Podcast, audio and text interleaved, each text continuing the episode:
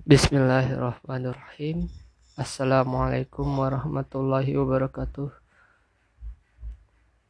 Di subbab eh, bab kelas 11 kurikulum 2013 revisi sos pelajaran sosiologi kita akan mempelajari yang pertama itu pengelompokan sosial.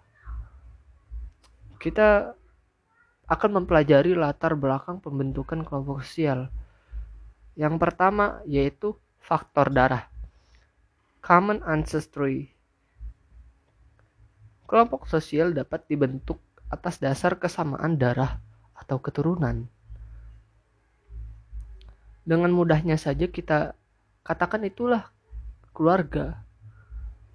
Karena kita memiliki keturunan darah yang sama eh, atau mudahnya itu kita kerabat, maka akan terbentuklah kelompok sosial dengan sangat mudahnya. Yang kedua itu faktor geografis. Geografis itu letak atau lingkungan. Jadi, kenapa faktor geografis bisa mempengaruhi pembentukan kelompok sosial?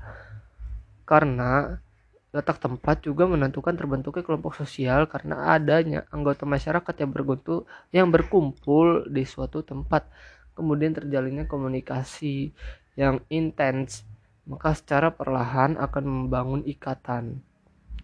Misalnya individu yang tinggalnya awalnya di kota dan kini dia pindah ke lingkungan pesisir pesisir pantai maka secara otomatis dia akan membentuk kelompok dengan kelompok membentuk individu diri individunya itu ke kelompok lain menjadi kelompok nelayan. Kenapa? Karena di pesisir itu mayoritas nelayan. Yang ketiga faktor kepentingan atau common interest. Terdapatnya kesamaan kepentingan di antara para anggota masyarakat sangat memungkinkan untuk membentuk kelompok sosial. Contohnya itu seperti OSIS.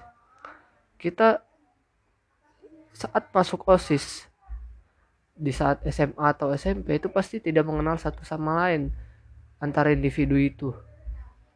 Nah, di, karena kita di OSIS ini memiliki kepentingan bersama, tujuan bersama, maka kita harus bersatu dan saling mengenal satu sama lain, berkomunikasi, berinteraksi, mencapaikan tujuan, uh, menyuarakan suaranya, pendapatnya maka semua itu bisa dibilang interaksi. Maka tercapainya makalah tercapainya uh, kelompok sosial di dalam osis itu yang awalnya tadi tidak saling mengenal satu sama lain.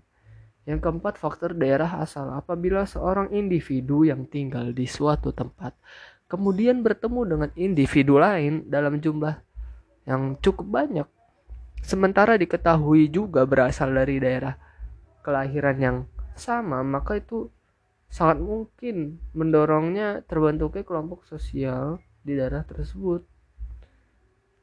Ya sekian dari penjelasan saya. Assalamualaikum warahmatullahi wabarakatuh